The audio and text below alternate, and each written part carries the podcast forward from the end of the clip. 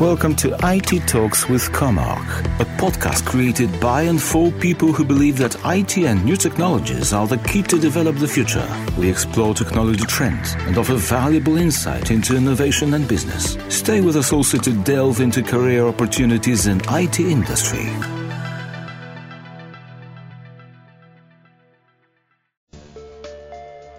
Wer sagt denn auch, dass Social Media einfach ist? Man denkt das, ist es aber nicht. Herzlich willkommen zu einer neuen Folge des Comach Podcasts Customer Experience and Technology.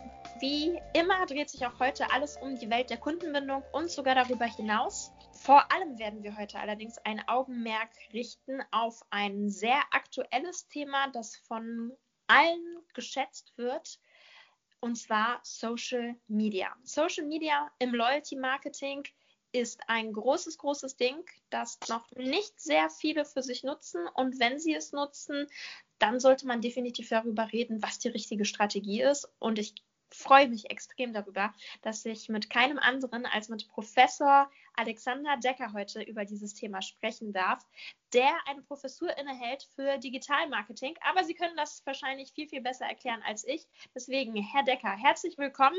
Danke, äh, ganz schön, dass ich heute dabei sein darf. Und ja, mein Name ist Alexander Decker, Professor für digitale Medien an der TRI Business School. TRI steht für Technische Hochschule Ingolstadt. Ja, das mache ich jetzt seit Oktober 2012 schon. Und Sie halten viele spannende Vorträge, nicht nur Vorträge für Ihre Studenten, sondern haben auch ähm, extrem viel Erfahrungen im Bereich Social Media Marketing, haben verschiedene Publikationen dazu veröffentlicht.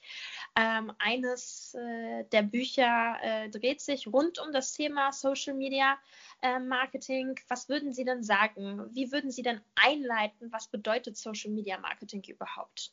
Ja, Social Media Marketing bedeutet erstmal ähm, eine große Chance für Unternehmen ähm, in Bezug auf, ja, wie Marketing grundsätzlich auch irgendeinen crossfunktionalen Ansatz zu haben, äh, vielfältige Ziele ähm, erreichen zu können.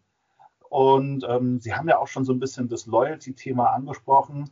Äh, Social Media hat äh, auch aus eigener Erfahrung ähm, eine super Möglichkeit, um überhaupt mit Nutzern, Endkonsumenten, je nachdem, in welcher Branche ich bin, überhaupt in Kontakt zu kommen. Und das ist eben eine super Möglichkeit, äh, viel, viel näher an die Konsumenten ranzukommen, aber auch für die Konsumenten selber, für die Nutzer näher an die Marken ranzukommen, die sie gerne mögen.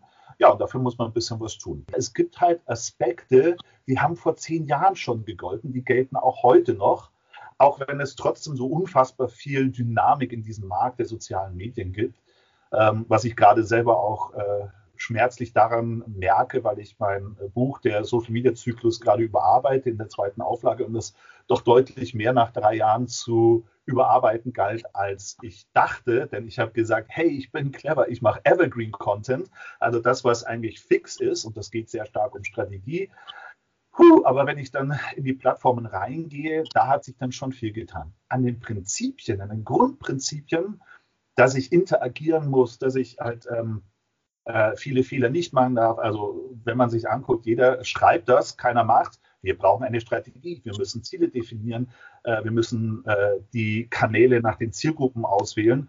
Ähm, das ist ganz lustig. Jeder schreibt es, in der Praxis wird es zu wenig gemacht. Also gibt ja auch äh, jemand wie den Felix Beilharz, der wahnsinnig äh, bekannt ist im Social Media Bereich, die Vivian Payne, die haben jetzt beide auch jeweils nochmal gesagt, hey, was ist der Trend für 2021? Und die Vivian Pine hat gesagt, hey, probiert's doch mal mit Strategie. Na, und eben nicht damit zu sagen, äh, ich mache die letzte Hashtag-Challenge auf TikTok oder äh, ich bin ganz happy, weil es jetzt Shoppable Buttons äh, auf Instagram geht. Ne? Ähm, da bin ich derselben Meinung, propagiere das auch schon immer ganz viel, auch in Workshops mit Unternehmen. Fangt mal bei den Basics an, bevor er äh, sozusagen in die hohen Sphären äh, abschwebt. Und das ist einfach Interaktion, engaging Content herzustellen. Ähm, das ist auch nicht immer so ganz einfach, äh, aber wer sagt denn auch, dass Social Media einfach ist? Man denkt das, ist es aber nicht. Da, das, äh, das glaube ich auf jeden Fall. Dann fangen wir mal, so wie Sie gesagt haben, bei den Basics an. Machen wir das doch auch mal. Und zwar würde ich vermuten, sollte ich mir als Unternehmen doch die allererste Frage stellen, auf welchen Kanälen möchte ich denn überhaupt ähm, agieren? Was würden Sie sagen? Gibt es, also mit Sicherheit gibt es dort regionale Unterschiede. Sprechen wir doch erstmal mal von unserem schönen Bereich, in dem wir uns heute befinden, und zwar dem Dachraum.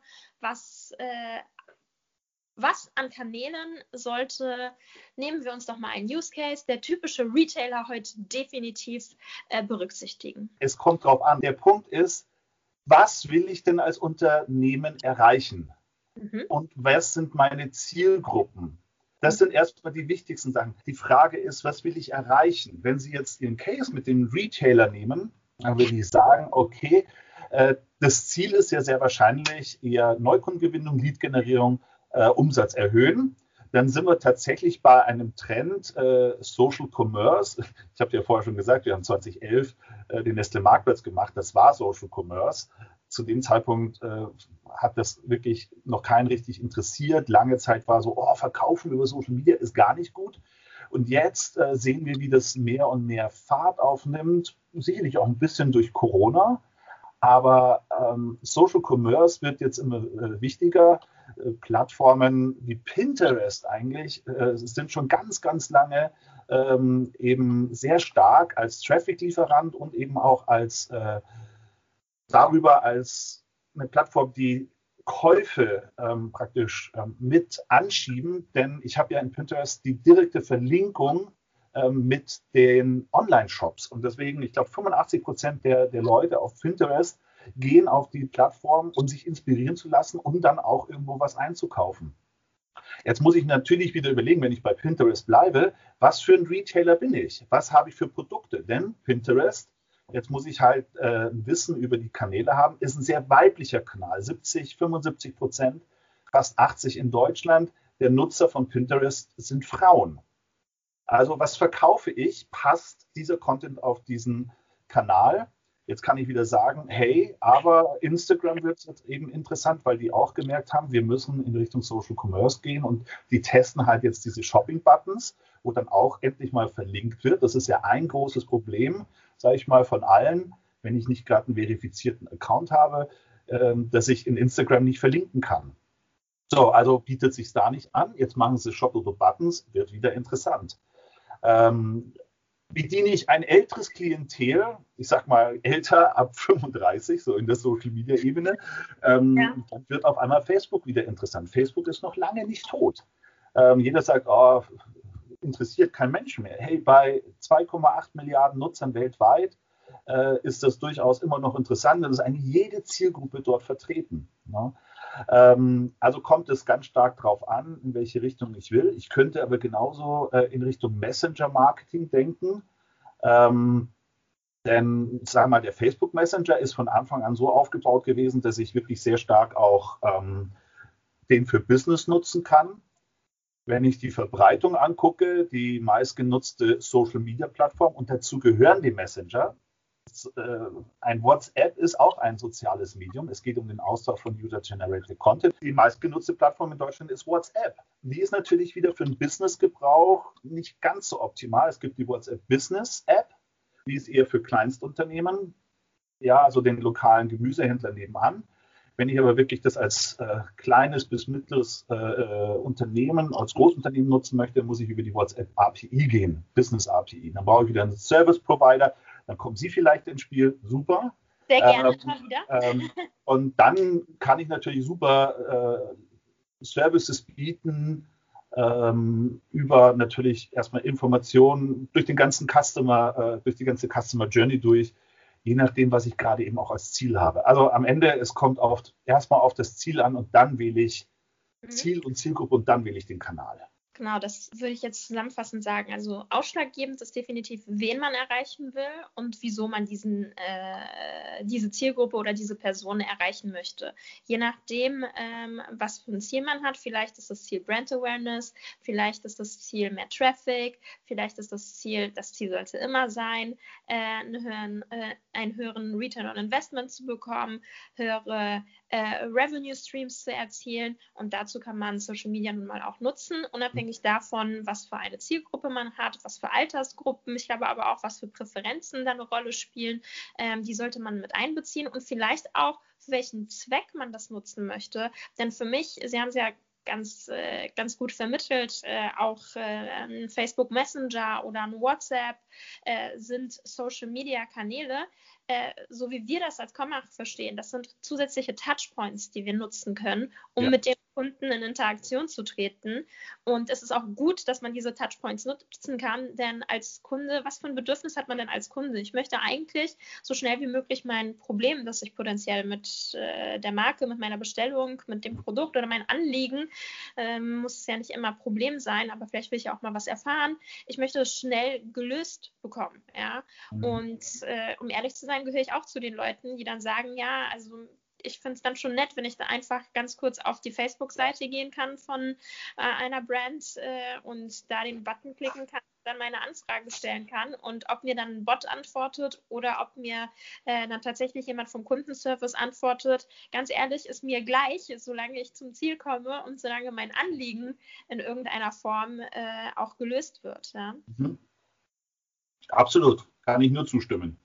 Und ähm, deswegen würde ich auch sagen, dass sowas wie Messenger-Kanäle ähm, vielleicht auch eher in die richtige Richtung sind, um zu sagen, das nutzen wir für den Kundenservice als Enablement, äh, um zu sagen, wir möchten ähm, auch vor dem Einkauf, nach dem Einkauf äh, ein besseres Erlebnis für den Kunden darstellen. Woraufhin ich dann eher sagen würde, ein Kanal wie Instagram ist ja vor allem mit der den Möglichkeiten, die Instagram heutzutage bietet und den neuen Funktionalitäten, die Step by Step in dieses Tool mit eingeführt werden, prädestiniert dazu, erst genutzt zu werden, um eben auf neue Produkte zu verweisen, Upselling, Cross-Selling äh, Strategien aufzuwenden.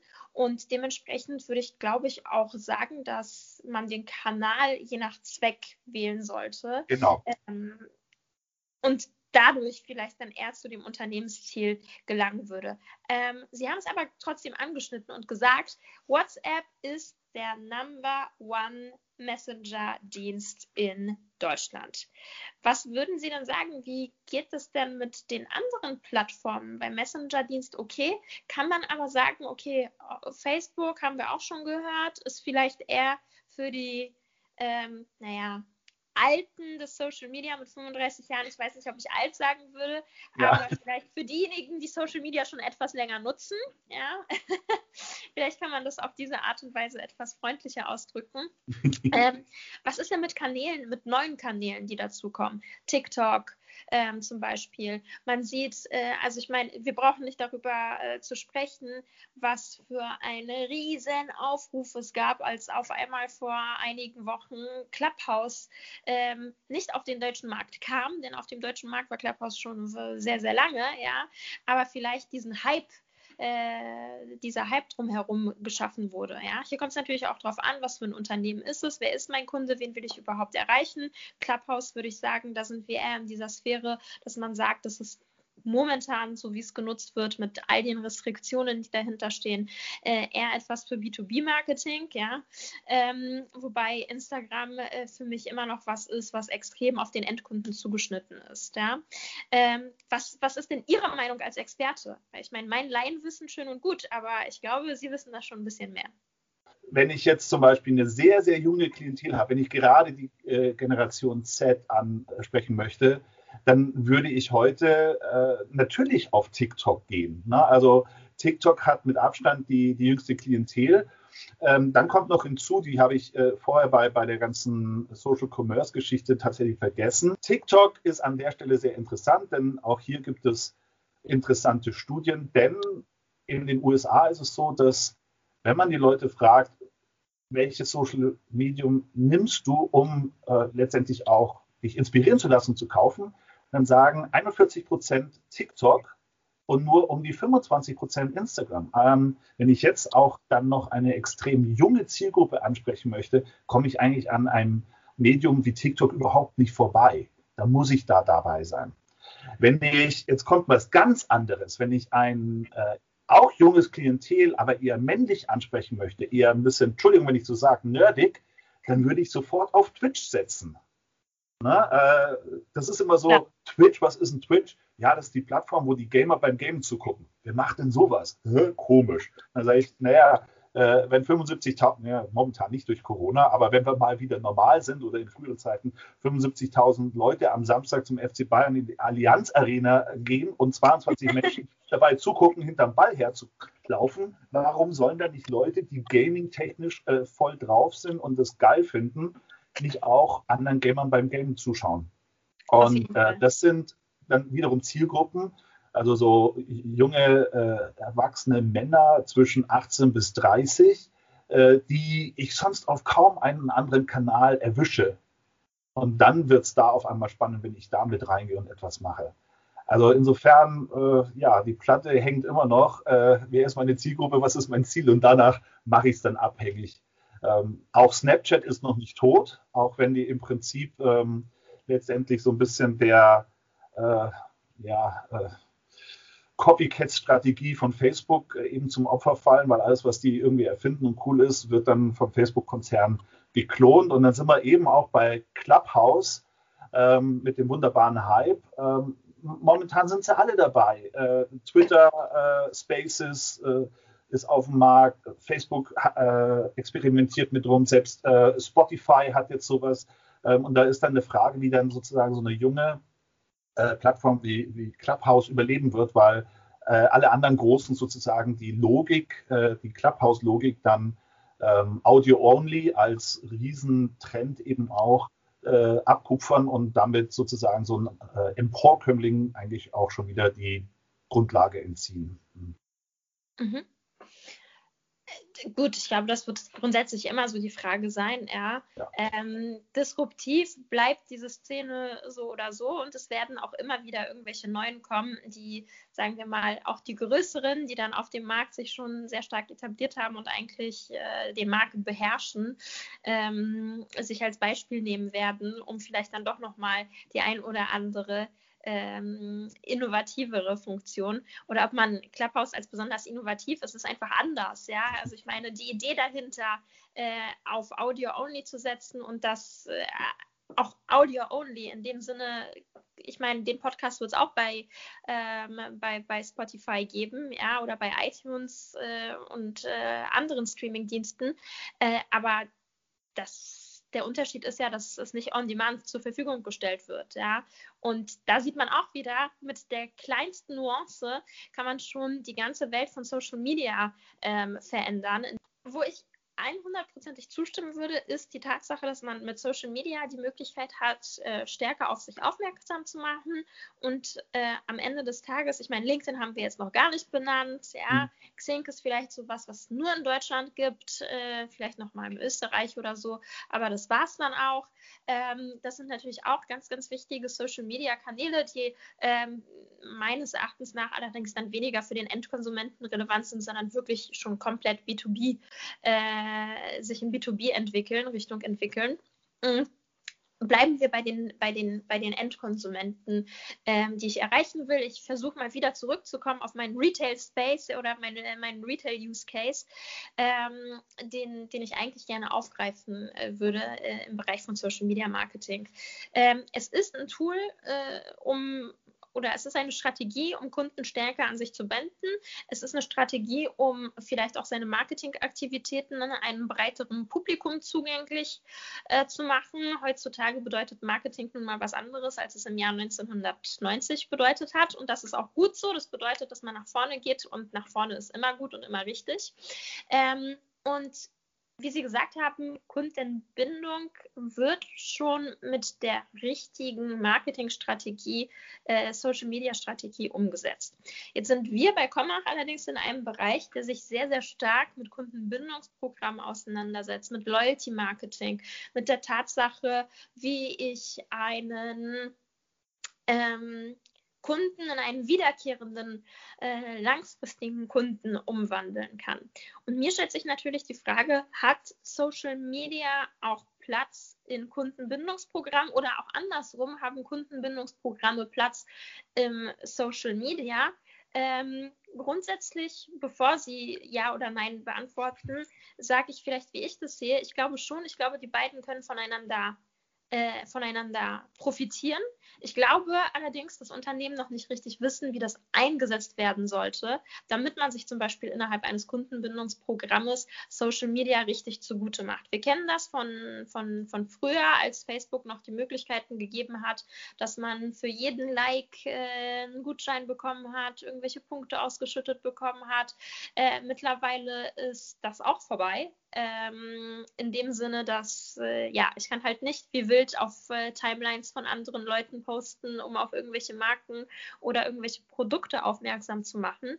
Äh, dementsprechend die Frage, was würden Sie denn sagen? Wie sollte man Social Media mit einbinden in einem Kundenbindungsprogramm? So aus der, der Kundenbindungssicht des CRM-Managers ist ja eigentlich Social CRM das Eldorado.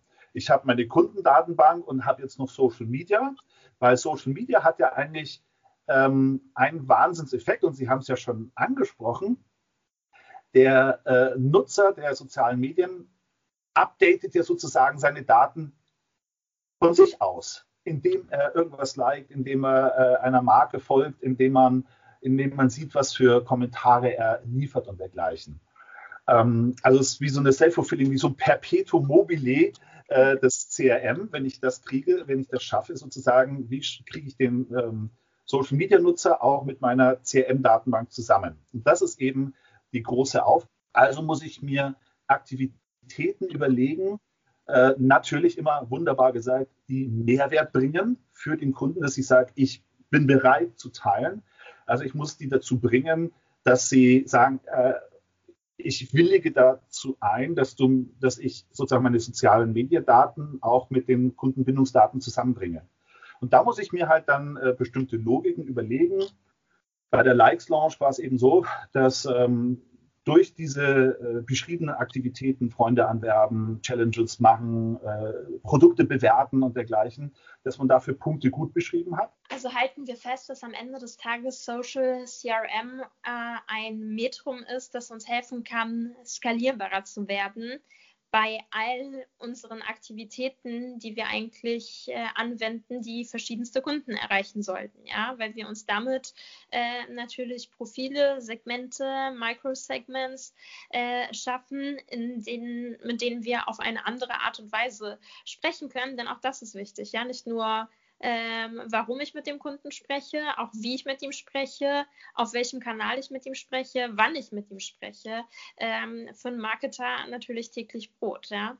Ähm, was mir auch noch gefallen hat äh, an dem, was Sie gesagt haben, also man merkt, Kundenbindungsprogramme können von Social Media oder CRM kann von Social Media profitieren.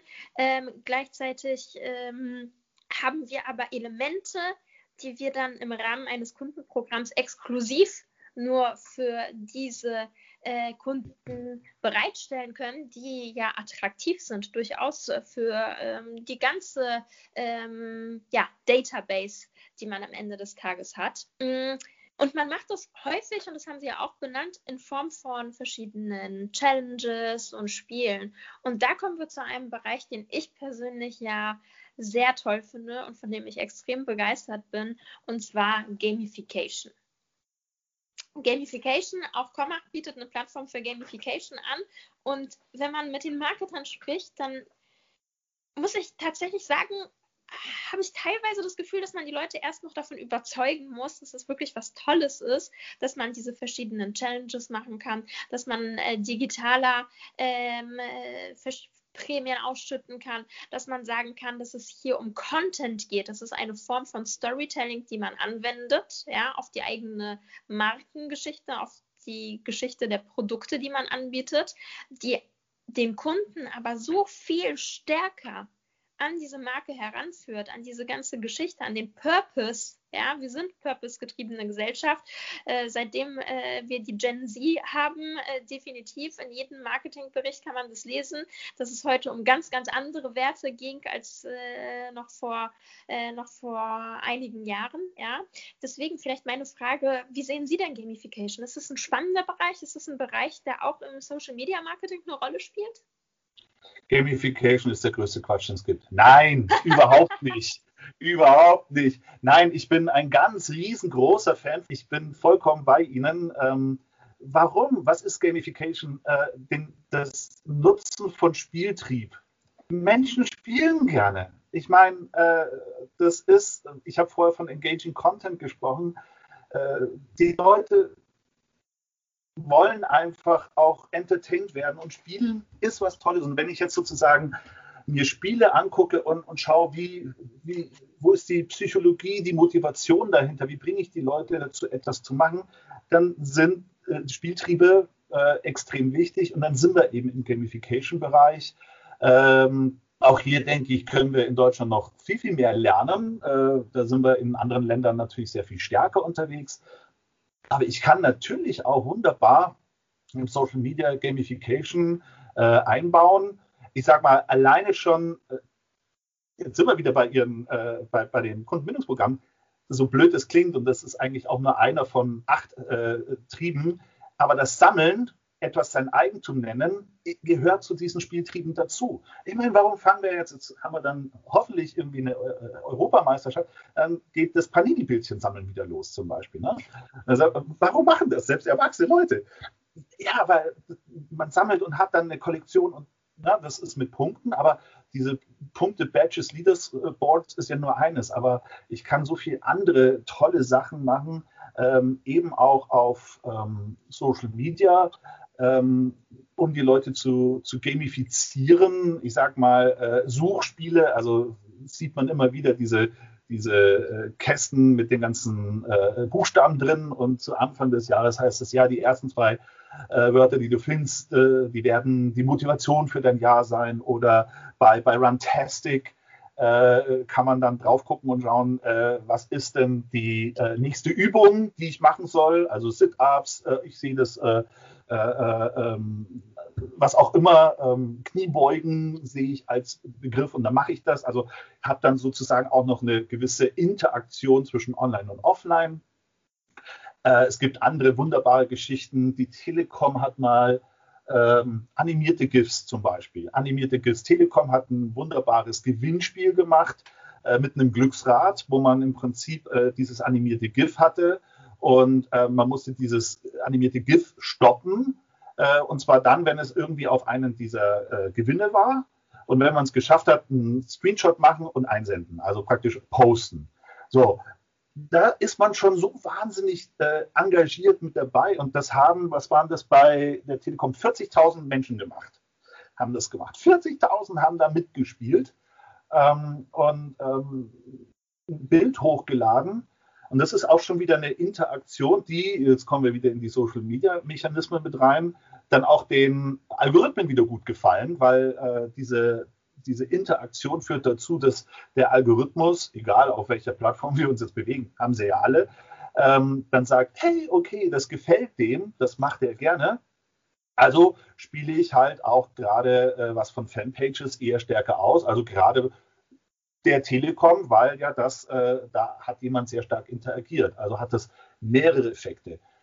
Arizona Ice Tea hat auch sowas gemacht, ohne Gewinnspiel, wo man eigentlich auch mit so einer animierten Gift bloß die Dose irgendwann mal auch festhalten musste, wenn sie in einem bestimmten Bereich war. Ähm, ja, äh, und trotzdem haben Leute mitgemacht. und die Leute haben trotzdem mitgemacht, ja. Warum? Weil es den Spieltrieb auslöste. Ne? Das ist ein äh, psychologischer Mechanismus, definitiv. Herr Decker, ich merke, dass ich mit Ihnen endlos reden könnte. Deswegen müssen wir uns irgendwie beschränken. Ähm, und ich sage einfach, ich habe noch zwei Fragen zum Schluss, die ich super gerne mit Ihnen klären würde. Ähm, eine Frage äh, ist die, wir haben also was wir gemacht haben, ist reingeguckt in die Social Media Welt, in die Welt von Loyalty und Social Media ähm, innerhalb der Dachregion. Wir wussten, dass ähm, Facebook, Instagram, TikTok, äh, Snapchat, äh, Facebook Messenger, WhatsApp, alles Kanäle sind, die hier wahnsinnig ähm, etabliert sind, so würde ich das sagen. Äh, allerdings frage ich mich natürlich, Sie als Experte müssten ja äh, ganz gute Übersicht darüber haben, was global passiert. Ja? Was gibt es denn? Ähm, was gibt es denn über den deutschen Tellerrand hinaus ja, für Trends, äh, von denen wir äh, in unserer Region vielleicht auch noch etwas lernen könnten? Und äh, vielleicht auch, ähm, was ist das nächste, das kommen wird? Ich meine, am Ende des Tages, als es Facebook gab, hat auch noch keiner über Instagram gesprochen. Und trotzdem hat sich das etabliert. Das zeigt auch, dass man äh, eine Dynamik im Social Media äh, Marketing hat, äh, der man sich neigen muss. Ja, ähm, jetzt sind wir wieder bei, bei der Trendfrage. Ähm, das mache ich als zweites. Die erste Frage war global gesehen, genau. Genau. Ähm, ja, ich habe ja schon ein bisschen angedeutet, dass äh, bestimmte Themen, äh, ich sage mal, wenn wir über den äh, Teich auf die eine Seite gucken, Richtung USA, die sind uns immer mindestens zwei, drei, vielleicht sogar vier Jahre äh, bei den Sachen voraus. Ähm, da hatte ich ja schon gesagt, ähm, da ist es Social Commerce ein Riesenthema. Wir sind aber auch immer noch viel stärker und da spielt natürlich TikTok eine Riesenrolle in der Richtung im immer noch kürzeren, sehr äh, kreativen, innovativen, crazy Content äh, zu haben. Es hat auch damit zu tun, dass ja unsere Aufmerksamkeitsspanne äh, extrem gesunken ist, was natürlich für mich immer ganz schlecht ist, wo ich keinen Punkt im Komma mache, äh, wo jeder aussteigt, wenn ich was erzähle. Mhm. Ähm, aber ich gehe mal in die andere Richtung. Ähm, und und äh, eine wahnsinnig spannende Plattform ist WeChat. Wir sind in China. Ja, WeChat muss man auch sehr, sehr kritisch sehen, weil eigentlich, ähm, ich sage mal, WeChat ist mal als ähm, WhatsApp-Klon gestartet in China, ist aber heute, ähm, ich sage immer, das Schweizer Taschenmesser der chinesischen Social-Media-Plattform, weil da ist alles drin alles. Also da ist der Messenger drin, da ist Video, das ist ein klassisches äh, soziales Netzwerk. Ähm, es gibt WeChat Pay. Ähm, also die, die, die zahlen nur noch über WeChat. Äh, es ist crazy zu sehen. Äh, homeless people, Leute, die auf der Straße leben, die, die stellen sich keinen Becher vor sich hin, äh, wenn sie irgendwo sitzen, sondern die haben ein Schild mit einem QR-Code drauf und dann kommen die Leute vorbei, äh, weil äh, bei WeChat ganz viel auch über QR-Code läuft und scannen den QR-Code und überweisen auf das WeChat Pay-Konto eine Spende für ihn. Ist überhaupt nichts mehr mit irgendwelchen Münzen oder sonst was, sondern das läuft alles über WeChat. Äh, es gibt Mini-Programme, also das, wo wir ähm, sozusagen als Unternehmen eigene Applikationen bauen müssen, um da reinzukommen, ist das voll integriert in WeChat. Also wenn ein Unternehmen äh, jetzt sein, sein Kundenbindungsprogramm aufbauen möchte, dann ist das voll integriert in, in WeChat. Und Herr Decker, dazu kann ich Ihnen auch was sagen. Auch wir bei Comma setzen solche Programme schon um. Das heißt, äh, es ist nicht so, dass dann äh, nur WeChat die Anlaufstelle ist. Man braucht trotzdem noch einen Technologieprovider, der einem dabei, helf, äh, der einem dabei hilft. Äh, aber da äh, bin ich ganz, ganz stolz. Äh, wir, es ist Luxury Retail, über den wir hier sprechen. mehr darf ich noch nicht verraten. Ähm, aber trotzdem, es ist eines der spannendsten Projekte, die es gibt. Und ähm, es geht ja, nichts über einen guten Cliffhanger. Ha? Genau. Und abschließend, äh, ich kann nur sagen, äh, richtige Richtung, äh, sowas zu machen, auch voll integriert. Auch das ist wichtig, wenn ich äh, Loyalitätsprogramme betreibe. Ähm, weg von den Karten, das machen sie sowieso nicht, ist sowieso klar, aber in, ja, was haben wir immer dabei? Das Smartphone. Das muss alles über Smartphone laufen, in einer äh, App zusammen. Bei WeChat gibt es sogar ein WeChat CRM-Programm dazu. Ne? Ähm, also da sage ich mal, das sollte man sich angucken. Natürlich immer wissen, wenn ich jetzt ähm, mir überlege, wir bewegen uns hier in China und WeChat ist im Prinzip auch eines der Überwachungsinstrumente des äh, autoritären Staates. Das muss man wissen. Auf der anderen Seite, die Logiken dahinter sind spannend, sich anzugucken und zu überlegen, wie können wir das bei uns datenschutztechnisch sauber aufbereiten und nutzen. Und das ist super spannend. Das auf jeden Fall. Und damit schließe ich vielleicht den roten Faden und komme nochmal auf meine Trendfrage zurück. Wie Aha. sehen denn die Trends aus? Ja, wenn ich das alles so beschreiben könnte, dann würde ich sehr wahrscheinlich sehr viel Geld verdienen, weil ich dann das schon wüsste.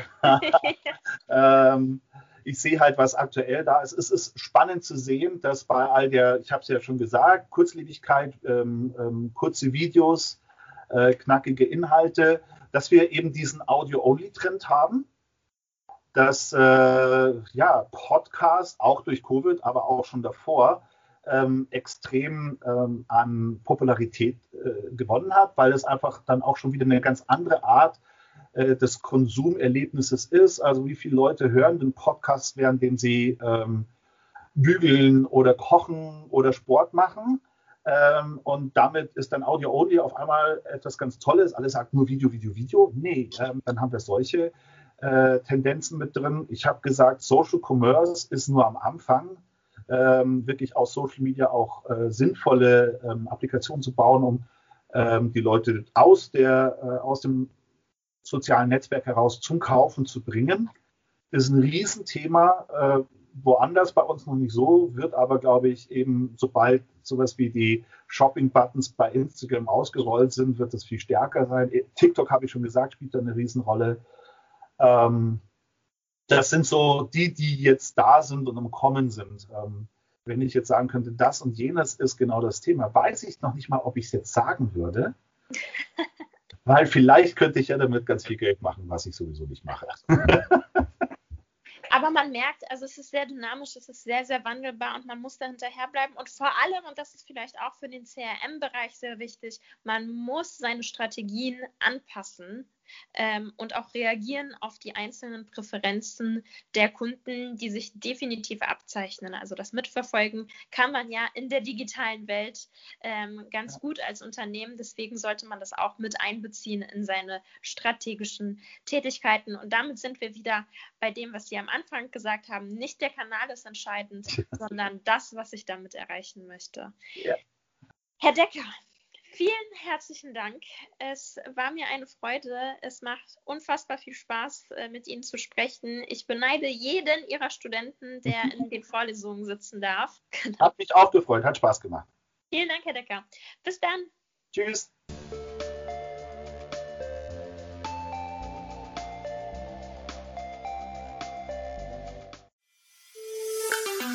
Thank you for listening to IT Talks with Comarch. We will be back soon with new episodes. If you like what you heard, subscribe to our podcast.